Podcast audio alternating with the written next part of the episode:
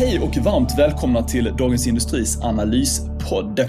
Henrik Mittelman heter jag, befinner mig i ett soligt Bryssel och i Malmö har vi Torbjörn Isaksson. Idag ska vi prata om kronan och fastigheter. Lite som en aptitretare inför kapitalmarknadsdagarna i Båstad, där den svenska fastighetseliten ska mingla och förkovra sig. Och kanske göra en och annan affär nästa vecka. Torbjörn, du ska dit. Jag ska dit. Jag har varit där många år nu så att det är alltid intressant att se hur det förändras genom åren och hur det inte förändras. Blir det mindre champagne i år kanske? Ja, det var oväntat mycket eh, champagnestämning i fjol tycker jag. Så vi får väl eh, se om de har lugnat ner sig lite i år.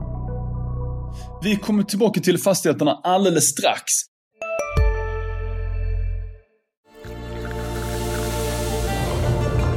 Välkommen till Maccafé på utvalda McDonalds restauranger med Baristakaffe till rimligt pris. Vad sägs om en latte eller cappuccino för bara 35 kronor? Alltid gjorda av våra utbildade baristor.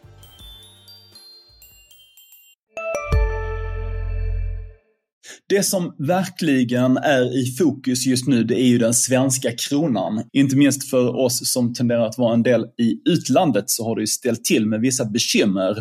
Att kronan snart är 12 mot euron, vår viktigaste handelspartner, alltså EMU-området. Det var lite annorlunda när Torbjörn, när du och jag var lite yngre, när man kunde åka över och shoppa loss i Danmark. Ja, vi är uppvuxna med en dansk krona som kostar 75 öre. Mm. Och nu är den väl på 1,60. Nu är det lite annorlunda. Jag har försökt att tänka till ordentligt om kroneländet och vad det är som spökar. Och jag tänker att det är tre saker som spelar roll.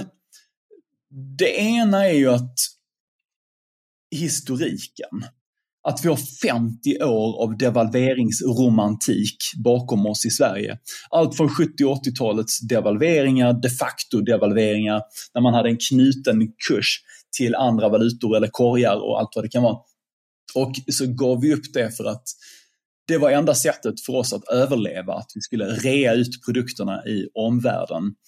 Och Sen kom Stefan Ingves och under väldigt många år bedrev en penningpolitik som i mina ögon, och som jag skrivit väldigt mycket om, var galen.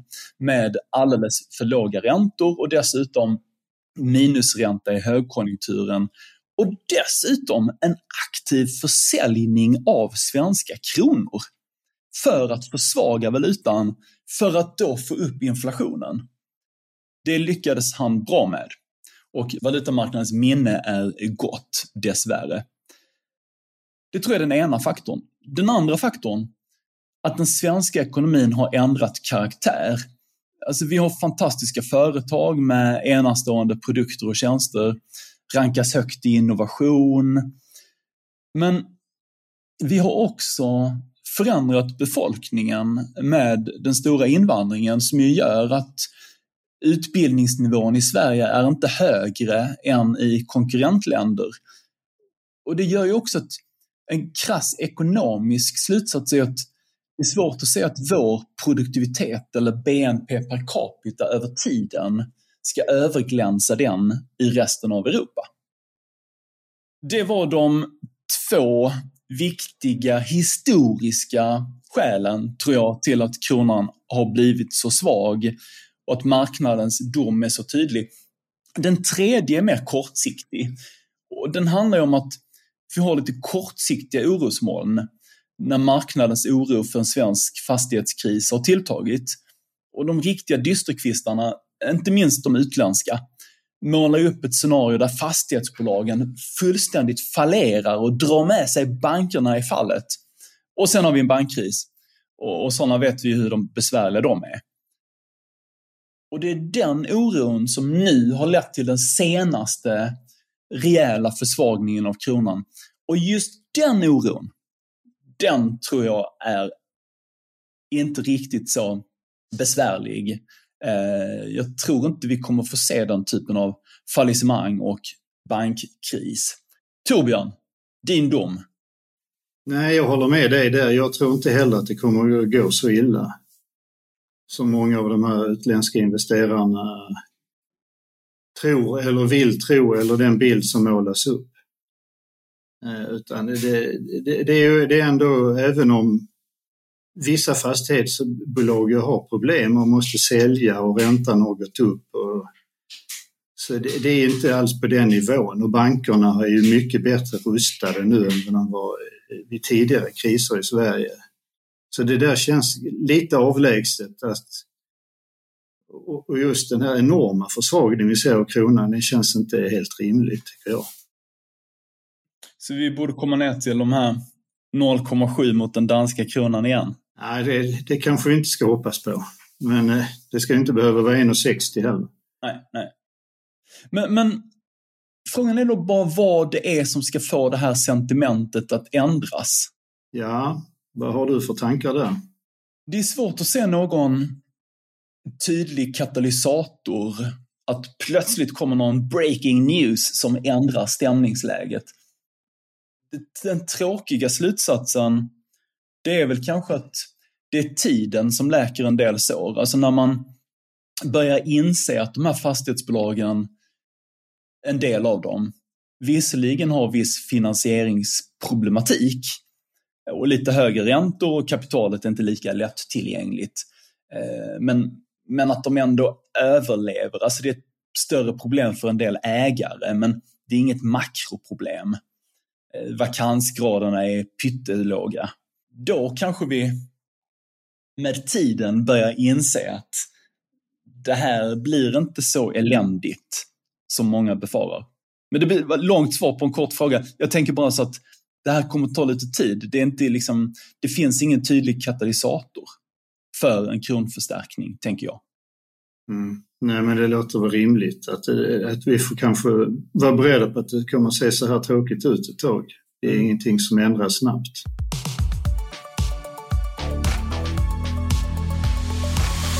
En, eh, en annan reflektion från den så kallade verkligheten, apropå danskar, det är ju att nu börjar den svenska kronan bli så billig att man ju överallt i Skåne ser massor med danskar som shoppar loss. Och nu börjar de även intressera sig för våra hus.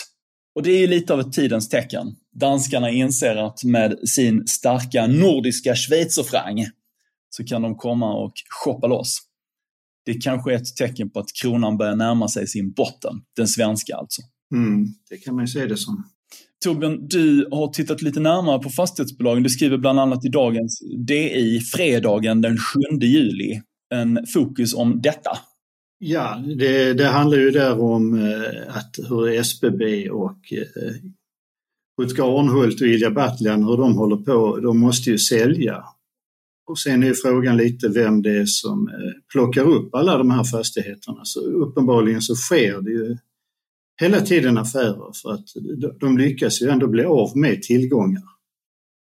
Men det, det, alltså den här kartan kommer ju ritas om ganska mycket kommande år. Just många av de här magnaterna eh, kommer ju försvinna som har varit överbelånade och överoptimistiska. Så det, det kommer väl bli en lite tråkigare värld och lite mer normaliserad kan man säga.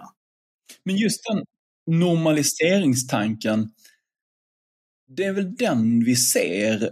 Marknaden, om vi tänker på valutamarknaden, dömer ju då ut Sverige för att man ser dramatiken. Medan du pratar mer om normaliseringen. Ja, det är klart att det är ju en dramatik just nu med de här enormt snabba kasten.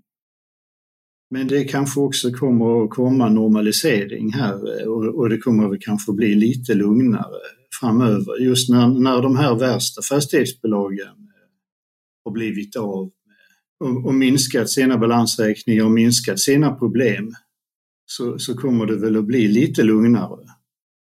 Men det tar ju, det tar ju tid och, och valutan gör det ju inte enklare.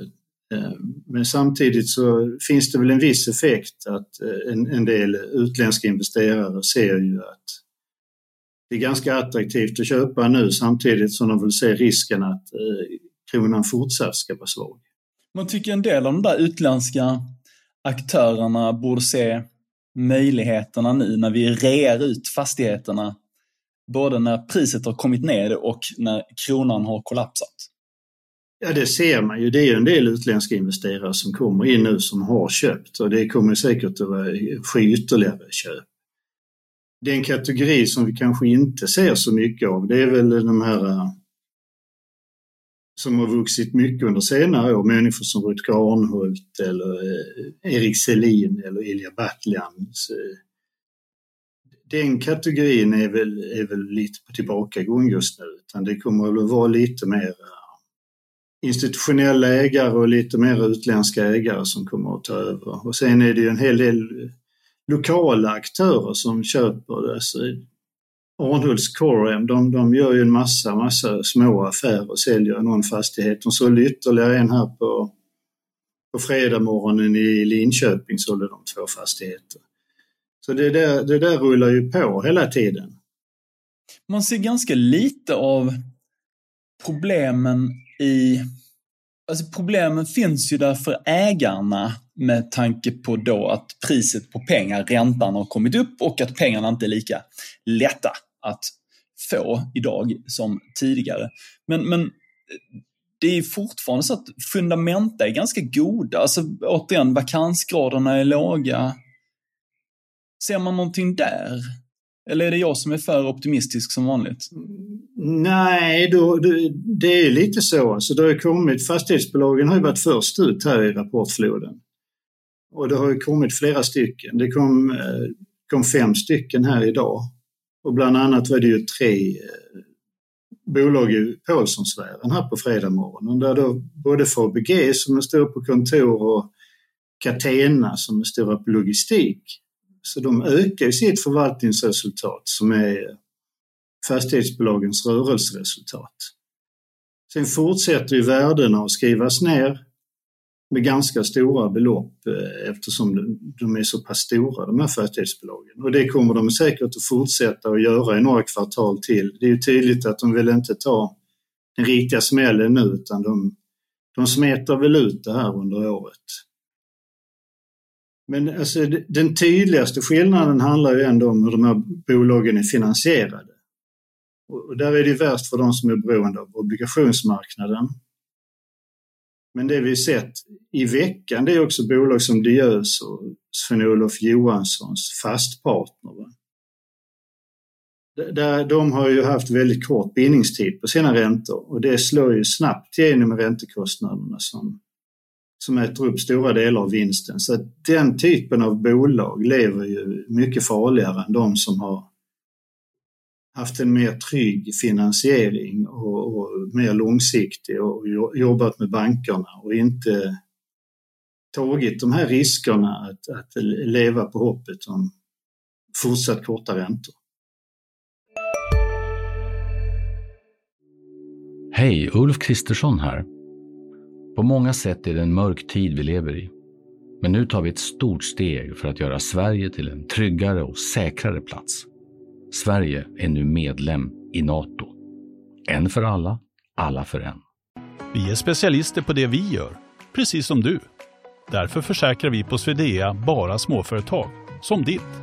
För oss är små företag alltid större än stora och vår företagsförsäkring anpassar sig helt efter firmans förutsättningar. Gå in på swedea.se företag och jämför själv.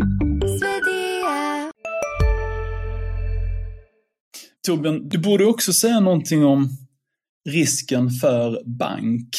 Om du nämner att det är fastighetsbolagen med primärt obligationsfinansiering som, som har de största utmaningarna just idag. Och nu kommer de till banken. Och då kan väl banken diktera villkoren?